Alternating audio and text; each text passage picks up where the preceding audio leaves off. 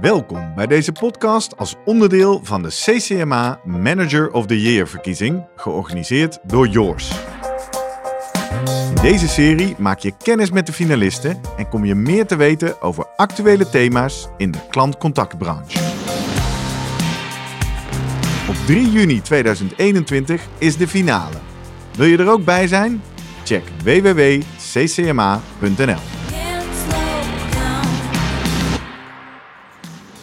Mijn naam is Gerrit Heikoop en in deze aflevering ga ik in gesprek over zelfsturende teams op afstand. Met de volgende twee halve finalisten. Cynthia Mak, manager Customer Care bij Talpa Network. En Ashna Mewan Singh, manager klantenservice bij Veenstra. We nemen deze aflevering op in april 2021. Het is nu iets meer dan een jaar nadat we plotseling allemaal overvallen werden door een wereldwijde pandemie.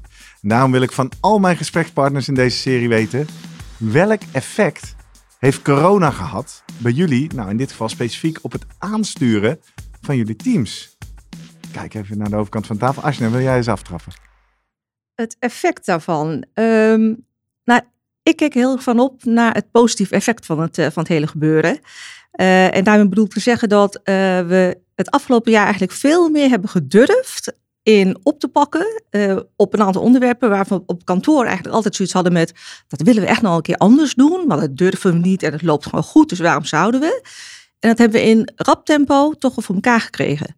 En daarmee bedoel ik heel traditioneel instroomklassen werven en klassica lesgeven. Na in korte tijd alles omzetten naar digitale lesvormen en op afstand uh, een hele nieuwe groep trainen. Nou ja, vorig jaar uh, was daar geen haardenken aan om dat op die manier vorm te gaan geven. Dat hebben we wel gedaan. Dus um, het, het, mooie van, van die hele crisis vind ik wel van, uh, uh, we zijn veel meer gaan doen. we hebben een aantal ontwikkelingen doorlopen die wellicht op de plank stonden om ooit eens een keer op te pakken, maar die we nu wel gewoon hebben, hebben ingezet. Leuk. En het werkt. wel heel spannend, maar uiteindelijk werkt het. Ja, dus een enorme versnelling in een de ontwikkeling versnelling. van je organisatie. Ja. Mooi. Cynthia, hoe is dat voor jou? Wat was het effect op het aansturen van jouw team? Um, nou, bij ons was er best wel een grote verschuiving geweest. Um, ik focus nu even op het stukje vakantieveiling als een van de labels die we doen. Uh, nou vakantieveilingen kennen we natuurlijk allemaal van vakanties en dagjes weg. Dus dat viel weg. Uh, maar we hebben ook nog een, een, deel producten en dat nam heel erg toe. En door de verschuiving in die productenmix kwamen we dus ook erachter dat sommige procedures die heel erg goed werkten in de oude verdeling, helemaal niet meer goed liepen op het moment dat we veel meer producten gingen doen. Dus het legde gewoon heel veel knelpunten in de processen bloot. Um, ik denk het hele stuk vanuit, uh, vanuit kantoor thuis gaan werken, dat was niet zo'n heel groot iets, want onze systemen waren er al op ingericht en dat, dat werkte allemaal wel goed. Maar voornamelijk, hoe zorgen we ervoor dat als iets ontzettend toeneemt, dat we alsnog de klanten een goede service kunnen bieden? Ja, daar hebben we toch best wel veel uh, stappen in kunnen maken. Wat is een belangrijke stap die je zo aan het begin van dit gesprek er vast eens uit wil lichten? Nou ja, een voorbeeld is, uh, we hebben een eerste en een tweede lijn structuur, waarbij een heel groot deel van het klantcontact lag bij de eerste lijn en beslissingsbevoegdheid bij de tweede lijn. Um, en dat werkte op zich prima, alleen op het moment dat je zoveel meer vragen krijgt over uh, afleveringen of over pakketjes die stuk of kwijt zijn, dan, uh, dan levert het alleen maar een knelpunt op om dat te escaleren naar de tweede lijn. Dus dan wil je liever dat allemaal bij je eerste lijn neerleggen. Nou, dat vroeg natuurlijk wel dat we wat rechten konden omzetten, maar ook gewoon procedures konden verkorten. Want nu waren we best wel veel tijd en energie kwijt aan het heen en weer gaan tussen een eerste en een tweede lijn. Nou, door dat allemaal bij de eerste lijn te leggen, hebben we best wel een mooie stap gemaakt. Ja, dat zijn hele concrete veranderingen in, in de ja. aansturing ook met name. Ja. ja. Ja, mooi. Laten we voordat we op zoek gaan naar de overeenkomsten en verschillen tussen jullie en de, en de lessen over zelfsturende teams op afstand, eens even proberen te schetsen voor onze luisteraar in wat voor professionele context jullie eigenlijk rondlopen. Als je een paar zinnen zou moeten neerzetten, klantcontact bij Veenstra. Hoeveel mensen gaat het over locaties? Waar ben je vooral mee bezig? Nou, uh, kent 14 vestigingen door heel Nederland. En uh, sinds 2018 is de keuze gemaakt om de klantenservicewerkzaamheden te centraliseren, virtueel in te richten. Houdt in dat ik op uh, vijf locaties klantenservice teams heb zitten. Uh, en dat zijn teams ter grootte van uh, 20, 25 man met een klantenservice teamleider. En nou ja, in totaal heb je het over ongeveer 150 medewerkers. We kennen een, een badkuipmodel. Uh, is het lekker weer, hebben wij geen storing aan onze installaties. Dus is het ook rustig aan de telefoon. Maar in de uh, maanden, wat is het, uh, september tot en met april, dat noemen we het stookseizoen. dan gaat de verwarming aan en blijken er toch heel veel storingen te zijn. En dan hebben we het heel druk. En dan schalen wij ontzettend op met nieuwe collega's. Dus gemiddeld heb je het over ongeveer uh, 150 medewerkers. Precies. En, en, voor de mensen die Veenstra niet helemaal praten hebben, je zijn dus een groot nationaal installatiebedrijf. Een installatiebedrijf uh, met, nou ja, van oudsher standaard de CV-ketel. Ja. Maar ondertussen natuurlijk ook bezig met de hele energietransitie, er warmtepompen en zelfs verkoeling. we gaan aan de slag met airco's. want dat blijkt ook een gat in de markt te zijn. gelet Kun je op... mooi de badkuip mee vullen natuurlijk, want in de zomer gebeurt er van alles met airco's. Inderdaad. Dus dan houden onze mensen hopelijk goed aan het werk. Dus uh, wat dat betreft uh, volop in ontwikkeling en steeds bezig met nieuwe duurzame producten. Ja. En Cynthia, jij, jij, werkt bij Talpa Network, maar je zei net al even, je had het al over verschillende labels. Hoe, hoe, hoe ziet jouw wereld eruit, professioneel gezien? Um, nou, Talpa Network dat bestaat uit verschillende pijlers. Hè. Dus we hebben tv, we hebben radio, uh, we hebben ook een, een, stukje magazines. Denk maar aan Linda Magazine. En het stukje e-commerce. En het stukje e-commerce, dat is onder andere de veilingenlabels die ik uh, net noemde. Dus vakantieveilingen, sla je slag. Maar ook de deals website actie van de dag. Uh, de plaats van mijn team binnen Talpa Network is dat wij customer care doen eigenlijk voor alle Talpa merken die dat nodig hebben. Dus op dit moment doen we het voor de veilingenlabels en voor Linda. Maar bijvoorbeeld ook voor de VI Webshop. Uh, we doen het ook voor Kijk. We doen ook de publieksvragen. Dus we bedienen best wel veel verschillende merken. Uh, maar dan binnen hetzelfde netwerk, maar eigenlijk allemaal toch met een iets andere insteek. En dat doen we op dit moment ook in twee verschillende talen. Dus in het Nederlands en in het Frans. Ah, die zou ik niet aankomen. Ik dacht Engels, maar in Nederlands nee, en het Frans. Frans. Ja.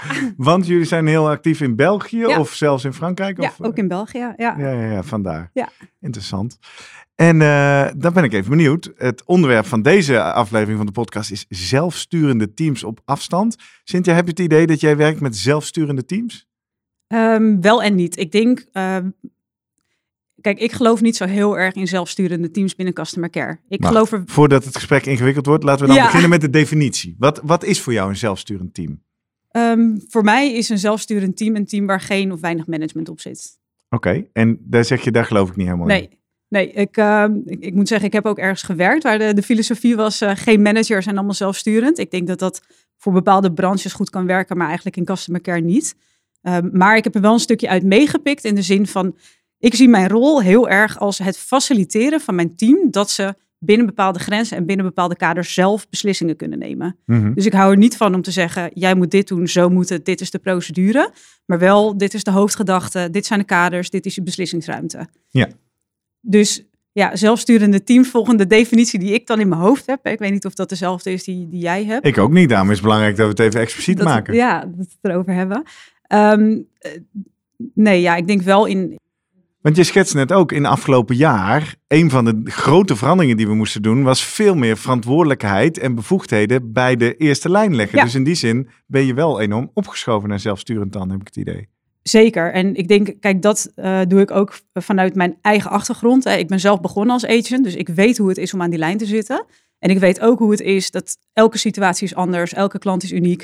En je moet gewoon zelf een beslissing kunnen nemen en niet alles moeten aftikken. Dat gezegd hebbende, 100% van je werk bestaat uit klanten die niet tevreden zijn ergens over.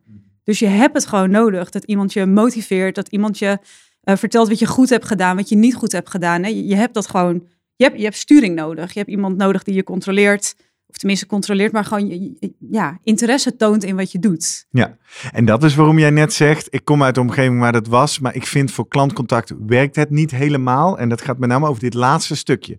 Dus ja. je zegt, als je helemaal in je eentje ervoor staat bij al die quote-unquote ellende, dan wordt het wel heel... Wat, wat is het risico dan? Wat je af en toe nodig hebt, is ook iemand die naast je staat en jouw verhaal even objectief kan horen en je kan helpen met een beslissing nemen. Of die ook tegen je kan zeggen van, joh, volgens mij heb je gewoon best wel even een moeilijke dag vandaag, want je bent een beetje te pittig uit de hoek gekomen. Dat. Maar ook gewoon iemand die zegt, joh, je bent zo lekker bezig vandaag. Ja. Ja. En dat is anders als een collega dat tegen je zegt dan als een leidinggevende, zeg je. Dat, dat betekent Ja. meer vanuit een hogere positie. Dat, ik denk zeker in, in deze rol. Ja. Ja, ja. Ja. mooi, mooi, mooie duidelijke visie ook. Wat is voor jou de definitie van zelfsturende teams? En, en maak je daar gebruik van bij Veenstra? Ja, bij mij is die definitie wat gaan veranderen door de loop van de jaren heen. Eh, waar ik in het begin ook dacht van een zelfsturend team is een team zonder leidinggevende. En het team redt zich en pakt alles zelf op. Had ik uiteindelijk ook zoiets van, nee, maar dat werkt niet. En ehm, waarom kom ik tot de ontdekking dat het niet werkt? Door in gesprek te gaan met, met, met teams daarover en waar hun behoefte ligt. En dan zie je dat sommige medewerkers, die hebben gewoon echt wel de behoefte aan die duidelijke kaders en eh, eh, een, een leidinggevende die ze op weg helpt. En weer anderen zeggen van, nou ja, geef mij het speelveld en laat mij weten tot waar ik mag gaan en ik red me wel. Dus eh, dat maakt me erover gaan nadenken met van, wat is dan een zelfsturend team? En dat is voor mij niet per se een team zonder leidinggevende, maar meer een team waarbij samen bedacht is met van waar staan we voor en wat willen we bereiken en hoe gaan we dat bereiken en dat we dat ook samen met elkaar doen. In de vorige functie hebben we teams ook gevraagd van wie is er al klaar om op die manier te werk te gaan. En dat vonden ze best wel spannend, want eh, je krijgt een soort van eh, eh, nou ja, sociale controle onderling. Je gaat elkaar aanspreken op zaken. Waarvan ik zei, ja, maar dat, dat vond ik juist heel erg de kracht van eh, een zelfsturend team, waarbij ze elkaar gingen helpen en, elkaar gingen aanspreken. En dat was nog steeds een leidinggevende, maar ze pakte heel veel binnen het team zelf op. Mhm. En dat houdt in dat, eh, nou ja, van oudsher heb je gewoon een set van KPI's. Die zijn niet heel spannend binnen eh contactcenterland. Ehm, en daar ga je dat jaar op richten. En daar word je beoordeeld. En eh, op basis daarvan weet je of je het goed doet.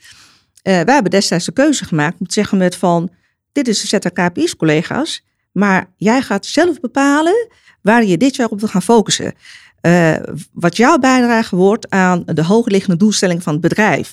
Dus we hebben niet meer een standaard set aan KPI's waar iedereen op beoordeeld wordt. Mhm. Nee, je pakt, je pakt eruit wat, wat voor jou van toepassing is. En dan willen natuurlijk ik vooral, maar onze luisteraars ook weten, wat wordt er dan anders? Welke KPI's gaan medewerkers kiezen waarvan je denkt, nou, dit zijn niet onze standaard klassieke KPI's? Nou, eh, het rare is, je komt niet af van die standaard klassieke KPI's. Die, Nee. want die zijn er. Je hebt het over afhandeltijd, first aan fix, eh, kwaliteit, eh, klanttevredenheid. Ja. Dat, is volgens mij in elke eh We hebben nog heb een dat. aflevering in deze serie waar we daar de hele aflevering over gaan hebben. Dus dat komt. Maar ik ben benieuwd, wat, Maar, ja, wat Nou, een medewerker kan dus gewoon de keuze maken. Ik wil me dit jaar gaan richten op eh, mijn afhandeltijd. En eh, kwaliteit, dat is eigenlijk altijd wel goed. Dus eh, die ga ik nou niet opnemen. Het wordt wel gemeten, we houden het in de gaten. Maar ik neem het niet specifiek op in mijn, in, in mijn ontwikkelplan. Ehm, en daarmee zet je de medewerker aan het denken met van hoe functioneer ik, waar heb ik hulp bij nodig en hoe ga ik mijn bijdrage leveren. Anders dan mijn leidinggevende bepaalt wat ik moet doen. En wat ik daarmee zag gebeuren is dat er veel meer verantwoordelijkheid bij die medewerker kwam. Eh, want die ging opeens nadenken aan wat is mijn bijdrage en niet wat moet ik van mijn teamleider doen. Ja. En dat is voor mij ook al een vorm van eh, een zelfsturend team, waarbij mensen ook echt gewoon zelf de verantwoordelijkheid pakken ehm, om hun bijdrage te leveren. Is dit geschikt voor iedereen? Kan iedereen hierin mee in, in de vraag van, goh, waar, waar wil jij je dit jaar op richten? Ik heb bewust de keuze gemaakt om dat bespreekbaar te maken en niet al mijn teams daarin verplichten te, eh, mee te gaan. Omdat Mhm. ik ook denk van, je moet er ook in, eh, eh, in geloven, erop vertrouwen. Dus ik heb toen de keuze gemaakt om dat bespreekbaar te maken. En een, een, er was een team dat zei van, oh, dat willen wij wel proberen. En een ander team had zoiets van, nee, laat mij maar lekker mijn eigen KPI's en een teamleider die me vertelt wat ik moet doen. En dan zie je het, het hele mooie effect, dat ze zien wat er in het andere team gebeurt. En dat ze hebben van, oh ja, maar dat wil ik eigenlijk ook wel proberen. Ja. Dus eh, ik heb het wat speels laten gebeuren. eh, maar dan wordt het ook heel erg gedragen vanuit de medewerkers. Anders dan dat het moet. Want Ja. het, het hoeft niet voor mij. Ik bedoel, dat andere, dat voor mij wat traditionele, is ook oké. Maar En in jouw teams nu, eh, hoe, hoe verhoudt zich dat? Hoeveel van deze Ja, mensen sturen ik zichzelf nog min of niet- meer aan? Ik zit in mijn, in, mijn huidige team, bij, bij Veenstra, Ja, zit ja. ik nog niet in de fase om dat te doen. Oké, En dat, dat, dat heeft te maken met het feit van dat we dus in eh, oktober 2018 gestart zijn met de inrichting van de klantenservice. Ehm, dus dat, het is nog redelijk nieuw om uh, nou ja, in het stramien van de klantenservice te werken. En wat heeft dan gemaakt dat je toen niet meteen van de grond af hebt gezegd, zo doen we het hier? Helemaal als je de kans hebt om opnieuw te beginnen. Uh, omdat ik halverwege binnenkwam. Ah. En zoiets had van, ik, uh, maak, ik maak, de keuze om eerst even de basis op orde te zetten. te werken aan heel wat andere zaken als op de relatie en, en, en de organisatie leren kennen. mijn volgende stap, als we allemaal ook weten van, zo werkt het binnen een klantenservice ja, dan wil ik dat loslaten en ook echt wat gesprek aangaan met van, ga het nou maar lekker zelf bepalen. Ja. En dan hebben we nog steeds die leidinggevende nodig. Hè? Het is niet dat we, dat we dat loslaten, maar dat is wel um, uh, waar voor mij de verschuiving heeft plaatsgevonden in zelfsturende teams. Helder. Veel meer de verantwoordelijkheid neerleggen. En ik merk dan mezelf van, ik roep dat altijd. Pak je verantwoordelijkheid, doe het lekker zelf. Jij weet dat geen ander hoe het moet voor de klant. En ondertussen wel aan de hand van een dashboard vertellen met, dat gaat goed, dat gaat niet goed, hier moeten we meer aandacht voor. Ik dacht van, ja dan... Dus jij zegt eigenlijk in aanvulling op wat ik bij Cynthia ook hoor, ik hoor bij jullie allebei, uh, verantwoordelijkheden lager wegleggen, meer regelruimte geven, heet het dan. Hè? Ja. En tegelijkertijd hoor ik jou nu toevoegen, en misschien herken jij dat ook hoor Cynthia, dat je zegt, dan moet je vervolgens in je beoordeling en in je aansturing ook een stapje terug doen eigenlijk. Ja, en niet dat terug doen, maar anders. Hè? Anders doen. en dat was het meest ingewikkelde. Want ik was redelijk uh, verbaasd en misschien ook wel heel trots op hoe medewerkers ermee omgingen. En dat ze vrij vlot ook nou ja, de stap wisten te maken van... ja, uh, ik ben volwassen genoeg en professioneel genoeg om het zelf te bepalen. Ik weet wat de klant nodig heeft. Het meest spannende was het voor de leidinggevende.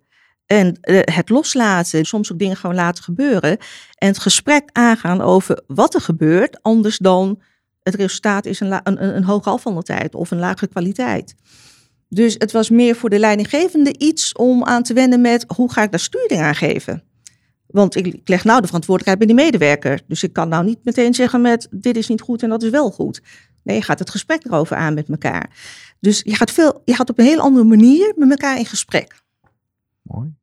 Cynthia, herken je dat? Wat betekende afgelopen jaar voor jou dat jullie de verantwoordelijkheden lager gingen leggen? Wat, wat betekende dat voor jou als leidinggevende op die afdeling? Het betekende voornamelijk dat we een verbetering zagen in de tijd die we nodig hadden om een klant te kunnen helpen. En daarmee dus ook de klanttevredenheid. Maar het was natuurlijk ook gewoon een coole stap, want we werken met een outsourcing partner hè, bij, bij de eerste lijn. Um, ja, en om dan ook intern en extern te zeggen van, hey, uh, we vertrouwen jullie gewoon volledig en dit kunnen jullie. En uh, wat kan er nou misgaan, weet je wel? Ik denk dat dat wel het, het, het coolste was. Je zegt een coole stap, maar hoe was dat voor jou? Want helemaal, ik kan me nog voorstellen, als dan zegt, ja, uh, ik moet af en toe dingen mis laten gaan. Oké, kan nog als je allemaal bij één club hoort. Maar nu laat, zie je gewoon je leverancier of mensen bij je leverancier wellicht fouten maken en zeggen, nee, dit laat ik even gebeuren. Ja, dan gaan we het erover hebben. Maar ik zie mezelf daar zitten. Ik zie mezelf er weer als agent zitten, als student, als... Uh, ik kan toch heus wel beslissen of deze klant 25% korting krijgt of 10, weet je wel. Mhm. Dus daar denk ik dan aan van hoe is het voor mij om daar te zitten? Met welke bewegingsruimte zou ik als agent hebben? En, ehm, ja, en, en wat kan ik als manager eraan doen om het leuker voor ze te maken? Want uiteindelijk ben ik ook doorgegroeid en heb ik stappen gemaakt omdat mensen vertrouwen in mij hebben gelegd en mijn keuze hebben gegeven. Dus dat doe ik dan graag terug ook. Nou, noem eens. Ik ben altijd uh, in, de, in deze podcast op zoek naar concrete voorbeelden om mee te schrijven. Wat, wat kun jij doen om het voor hun beter en leuker te maken als ze die extra verantwoordelijkheid krijgen? Wat doe jij? Um, bij de outsourcing partner bedoel je? Ja, in, in jouw rol die je nu hebt. Hoe, hoe pak je dat aan dit jaar? Ja, kijk, wat ik voornamelijk echt leuk vind af en toe om te doen, is gewoon weer even zelf tickets oplossen. En dan ga ik kijken van wat, wat is het team eigenlijk aan het doen? Mm En dan ga ik kijken waar ik me heel erg aan stoor en dat ga ik aanpakken. Um, ik geloof namelijk heel erg dat het team geeft het echt wel aan als dingen zeg maar niet lekker lopen. Maar er is nog steeds een deel waarvan zij aannemen van, nou ja, dit is nou eenmaal hoe het is. En dat ik denk, maar dat hoeft helemaal niet zo te zijn. Hè? Dus ik heb, kan je daar een heel concreet voorbeeld van geven? Leuk voorbeeld, kom maar. Kom maar door, ja. Um, Excel-sheetjes. Ik bedoel, hoe vaak wordt wel niet gezegd... nou, kan customer care niet even een Excel-sheetje bijhouden? Nou, moet je indenken dat je tien merken bedient in twee talen. Dus dan zit je al keer, keer tien of keer twintig. kan heel goed rekenen vandaag. Ja, ja. Uh, stel dat je zes verschillende kortingscodes hebt. Nou, reken maar eens uit hoeveel sheetjes je dan hebt. Dus het hele idee van we moeten een sheetje invullen, dat is allemaal niet zo. Het is veel meer. Dus als agent zijn heb je al die tapjes open, je moet alles bijhouden en zo dat zijn dingen waarvan agents dan waarschijnlijk denken, prima, doe ik wel. En ik ga zitten en ik denk, hoeveel tijd ben ik hier nu mee bezig? Hoeveel tijd heb ik in de Ctrl-C, Ctrl-V combinatie uh, geïnvesteerd? En dit heeft drie kanten. Hè? Dus het heeft natuurlijk een vraag van, hoeveel geld heeft het gekost, wat, waar ik als bedrijf zijnde niet blij mee ben. Hoe uh, vervelend is dit voor een agent die veel meer potentie heeft dan alleen maar een sheetje invullen, kopiëren, plakken. Nou ja, en hoe had het voor de klant ook makkelijker gekund? Um, ik hou van concrete oplossingen. Dus in een uh, vorige functie heb ik precies voor dit probleem hebben we een app gebouwd. Mm -hmm. uh, waarbij je dus niet meer in al die sheetjes hoeft te duiken. Maar dat je gewoon vanuit het programma waar je mee werkt, dat je ploep de juiste code kan invoeren. En dat die op de achtergrond al die al voor data verzamelt. Ja, ja, wat voor het bedrijf belangrijk is. Maar ja, ik hoef daar niet mijn agents voor in te zetten. Nee. En wat ik dus leer van jouw verhaal. Kijk, die app ken jij al toevallig. En of die kan iedereen verzinnen. Maar het gaat eigenlijk niet om die app of over de techniek. Maar het feit dat jij af en toe zelf tickets gaat draaien.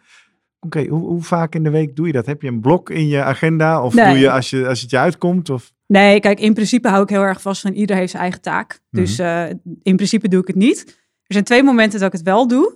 Uh, of als ik denk, nou, een beetje komkommertijd, wat is nieuw, weet je wel, wat zou ik nu eens gaan doen? Of als het heel erg druk is. Juist ook als het heel erg druk is. Ja, met name als het heel druk is en als je bijvoorbeeld ziet dat backlogs beginnen toe te nemen. Uh, en ik denk met name het moment waarop niemand kan uitleggen waarom die backlog gaat toenemen. Dan vind ik het leuk om erin te duiken en gewoon te kijken van wat, uh, ja, wat gebeurt hier. Dus dan hebben we dat onderwerp van zelfsturend en verantwoordelijkheid geven een beetje ontdekt. En wat dat betekent voor jullie als leidinggevende. Het andere deel in het onderwerp vandaag is op afstand. Uh, we hebben allemaal gehad, dat hebben we in diverse afleveringen gehoord, iedereen zit opeens thuis te werken. Maar de vraag is natuurlijk, hoe kun jij dan als leidinggevende, hoe hou je de boel bij elkaar? Uh, je had het al ook over opleiden, nieuwe medewerkers. Hoe, hoe zet je cultuur neer? Wat heb je daarover geleerd het afgelopen jaar? Ja, dat, dat, is een behoorlijke zoektocht geweest. Uh, ook voor mezelf. Ik heb uh, momenten gehad dat ik heel erg aan mezelf ging twijfelen met doe ik wel het juiste? En heel onzeker werd met geef ik mensen wel de juiste aandacht? En als we teamsmeetings hebben, is dat op inhoud en puur het zakelijke en we gaan weer verder. Anders dan op kantoor wanneer je elkaar tegenkomt en je voelt dat er wat is of je, je spreekt elkaar veel makkelijker. Uh, dat heb ik gewoon bespreekbaar gemaakt en ook uh, uh, gevraagd aan, aan mijn team met van jongens, hoe ervaren jullie dat? Want ik heb het gevoel dat ik daar een tekort schiet. Maar wow. dat viel gelukkig mee, uh, als in van dat ze zoiets hadden Deze van... kwetsbaarheid heb je expliciet uitgesproken ja, omdat ik er, team. omdat ik er heel veel last van had. Ik ging echt twijfelen met van, hoe ga ik mijn team bij elkaar houden? En dan niet alleen, uh, zakelijk liep het. Ik was hartstikke tevreden met, met onze resultaten, maar ik miste het echte contact. Hmm. En uh, ik had mezelf ook aangeleerd van, ik moet iedere week iedereen ook echt gesproken hebben, maar dan niet op inhoud, maar even horen hoe het met iedereen gaat.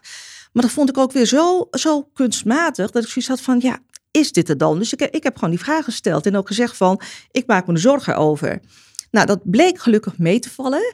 Maar ik merkte ook dat zij ook diezelfde worsteling hadden met hun eigen team. Dus uh, wij zijn op zoek gegaan naar creatieve oplossingen. En um, dat, dat zit op zakelijk vlak. Waar je op kantoor heel makkelijk naar een collega kunt toestappen en zeggen met van, hey, wil je me even helpen, want ik loop hier tegenaan of wil je even meekijken? Kon dat thuis niet meer, want iedereen zat thuis. Dus hebben we de keuze gemaakt om een virtuele coachlijn in te richten. Nou, dat bood ook meteen weer heel mooi perspectief aan medewerkers, want ervaren medewerkers werden bemand op zo'n coachlijn, dat is gewoon een tweede lijn, waarbij collega's dus naartoe konden bellen om even de afstemming te zoeken of, of te vragen of, uh, uh, wat, uh, of, of ze de juiste keuze maakten. Tijdens, tijdens de call soms. Ja, Zo, dus inderdaad. Ik ga even met de collega overleggen. Ik zet, dan- ik zet ja, heel even de wachtklant. Ik ga het even overleggen met mijn Ja. collega. Nou, als je thuis zit, kun je niet overleggen met de collega. Dus eh, we hebben de virtuele coachlijn hebben we ingezet. Eh, we zijn veel meer gebruik gaan maken van Skype. Om dan toch in groepjes contact te hebben met elkaar. Maar ja, ook de bekende vrijdagmiddagborrel. Die heb ik gewoon nog steeds in mijn agenda staan. Eh, die staat gewoon open elke vrijdagmiddag. En of je nou ja, zin hebt of niet. Iedereen loopt in en dan hebben we het gewoon eh, met elkaar over allerlei andere dingen die, nou ja, niet heel erg met het werk te maken hebben, maar waarin je nog wel contact houdt met elkaar. Eh, een ander specifiek iets is dat ik mijn teamoverleggen begin met een echte check-in Mhm. op basis van een vraag uit eh, een of andere eh, pot met allerlei leuke vragen.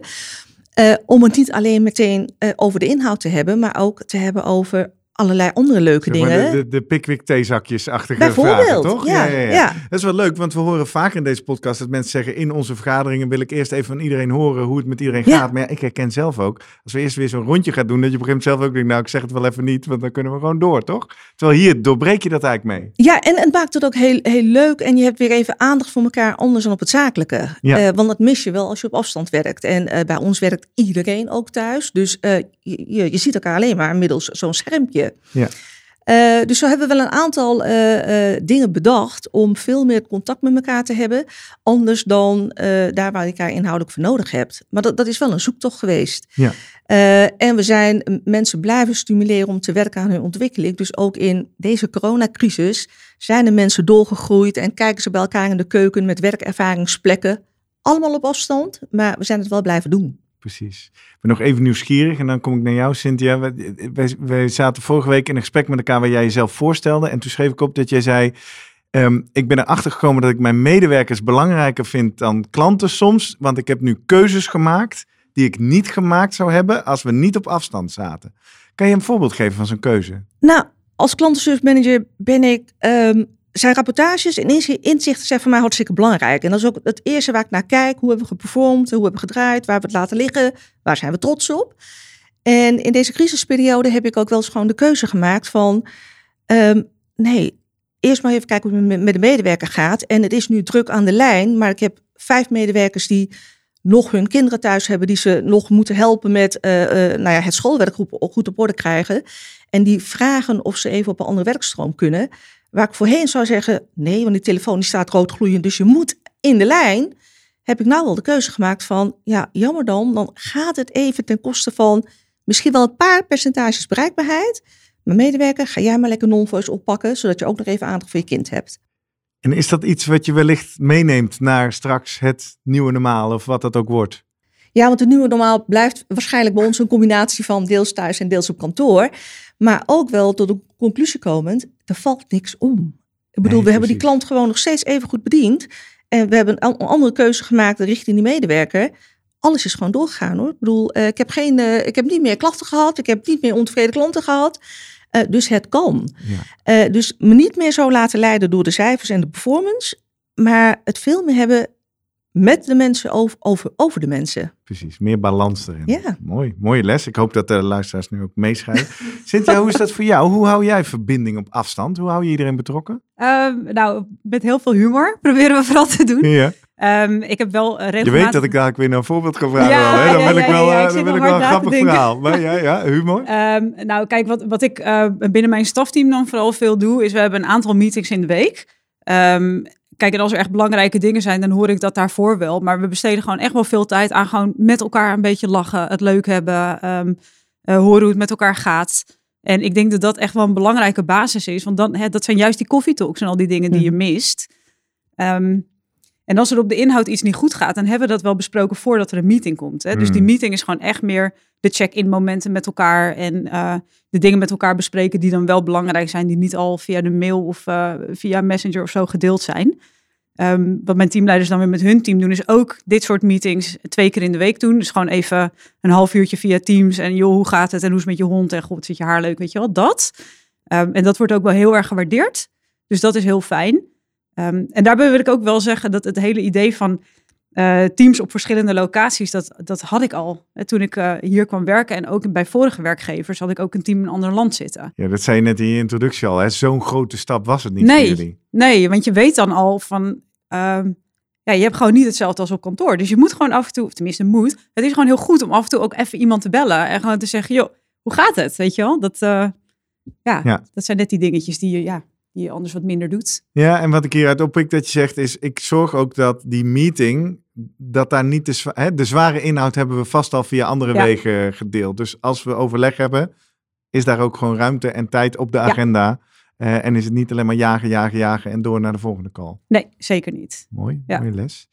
Over de volgende call gesproken, ik eh, maak al een klein bruggetje bij jou. Laten we eens een beetje proberen in de toekomst te kijken. Een stukje visie aan jullie ontlokken. Waar gaat het heen met die zelfsturing, dat vertrouwen en dat werk op afstand. Wat, is jouw kijk erop, Cynthia?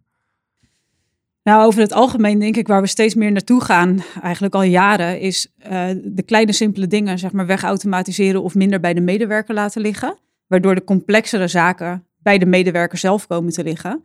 Um, en juist daarbinnen past, denk ik, mijn visie heel goed van zelfbeslissingsbevoegdheid hebben en vrijheden hebben. Um, ja, dus ik denk dat de, de, de rol van de klantenservice medewerker in ieder geval binnen e-commerce, dat die en steeds belangrijker wordt, maar ook steeds meer waarde gaat toevoegen. dus uh, bijvoorbeeld simpele vragen oplossen als waar is mijn track and trace code of waar is mijn pakketje? daar hoeft niet per se een persoon aan dat te kun je allemaal komen. automatiseren met Juist. bots of AI of Ja, wat dan ook. Ja, ja. ja. Ja, Of, of de klant gewoon, nou ja, ook misschien dat vertrouwen naar de klant toe. Om gewoon meer toegang te geven tot portals, dat ze dat zelf kunnen zien. Mhm. Maar ja, complexe zaken als eh, persoonlijke dingen bij klanten die impact hebben of ze wel of niet naar een arrangement gaan, dat kan je niet automatiseren en dat moet je niet willen. Nee. Dus ik denk, eh, mijn gevoel is ook wel dat wat belangrijker wordt, ook in e-commerce, is toch meer die emoties, hè? de zachtere waarden. Dus het gaat niet meer om gelijk hebben of eh, dit zijn de regels, maar het gaat meer om de empathie, om het gevoel, om hoe zorg je ervoor dat de klant toch een goed gevoel ook aan je overhoudt en graag bij je terugkomt. En wat vraagt dat dan voor mensen in een jou? Wat vraagt dat van jou in de toekomst als je leiding moet geven aan zo'n team? Nou, om sowieso kritisch te blijven op eh, wat is hetgene waar we personen op willen inzetten en wat is hetgene wat we kunnen automatiseren of wat we makkelijker kunnen maken. Nou ja, dat je voortdurend eigenlijk iedere keer die vraag aan jou stelt. Wat, wat ligt hier voor ons? Ja, Kunnen we automatiseren? ja. Ja, ik denk dat als ik er zo een beetje over nadenk, dan zie ik mijn rol ook als, eh, laten we zeggen dat een customer care medewerker een timmerman is. Ik zie mijn rol als iemand die ook aan de zijkant staat en denkt, wacht, volgens mij is jouw zaag niet scherp meer. Ik denk dat je een nieuwe zaag nodig hebt. Of misschien is het makkelijker voor je als je deze dingen naast elkaar zet. Dus ik hoef je niet te vertellen hoe je het doet. Alleen ik wil het wel zo om je heen faciliteren dat jij gewoon goed kan werken. En als je tijd kwijt bent omdat je van de ene naar de andere tafel moet lopen, dan schuif ik ze tegen elkaar aan voor je. Visualiseert het dan een beetje? Denk Ja, ik prachtig niet. beeld, Ja. prachtig beeld in een, in een podcast. Ik zie het helemaal Ja. voor me. Nou, wat is jouw visie? Waar, waar, waar gaat dat heen? Ja, ik, ga, ik ga deels mee wat, wat Cynthia zegt. Ik eh, geloof ook echt wel dat eh, klanten steeds meer kiezen voor, voor een stuk gemak. En daarmee dus ook voor andere kanalen om, om geholpen te worden. Eh, ik geloof niet in het feit dat wij over een aantal jaren geen contactcenters meer nodig hebben. Want ik denk dat er nog steeds wel situaties zijn waarbij de klant behoefte heeft om ook echt iemand te spreken. Mhm. En dat daarmee dus inderdaad de, de, de simpele vragen, de simpele mutaties allemaal afgevangen worden door eh, Eh, maar voor de complexe zaken daar nog steeds echt wel eh, eh, iemand nodig hebt. En je iemand wilt spreken die, die daar een, een expert in is. Ik denk daarmee dat de rol van uh, klantenservice-medewerker wel wat verandert in ehm, expertise. maar ook in hoe ga je dan in gesprek met zo'n klant. Want nou ja, ik, ik denk dat zo'n klant dan heel anders binnenkomt dan met een simpele vraag met wanneer eh, wordt mijn eh, ketel onderhouden. Ja. Dus ook in gespreksvaardigheden zul je eh, toch veel meer ervaring moeten hebben en, en de medewerker veel meer moeten ontwikkelen dan bij het beantwoorden van een simpele klantvragen. Precies, je komt niet meer weg met trekt u de stekker er eens uit en start hem eens Nee, opnieuw op. Want nee. dat heeft hij natuurlijk al lang zelf Dat, gegoogeld. klopt, ja, dat weet de klant, dat heeft hij inmiddels tien keer geprobeerd. Dus ik denk dat je daarmee ook komt op andere vaardigheden of andere niveaus. Een, een, een, een, een- een- toch wel een, een zwaarder niveau.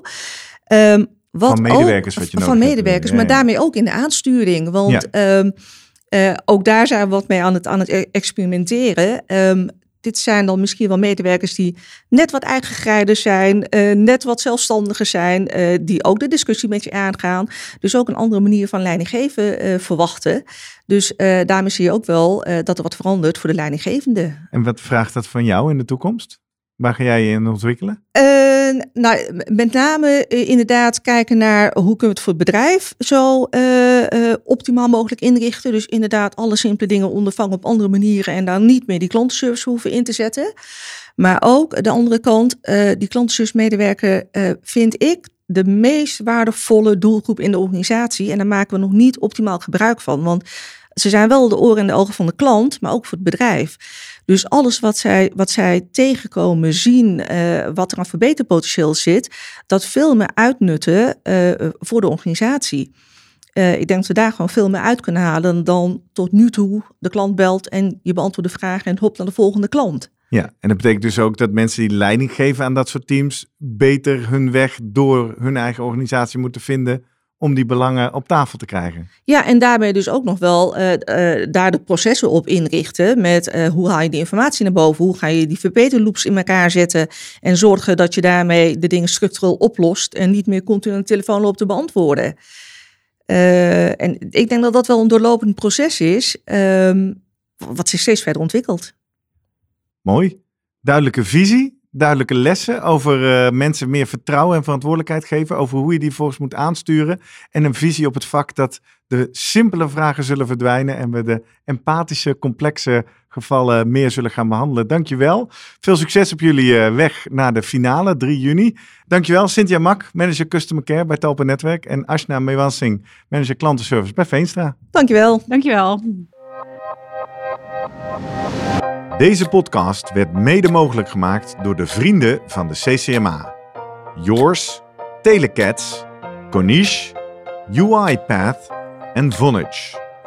Meld je nu aan voor het Coronaproof Event op 3 juni 2021 via www.ccma.nl.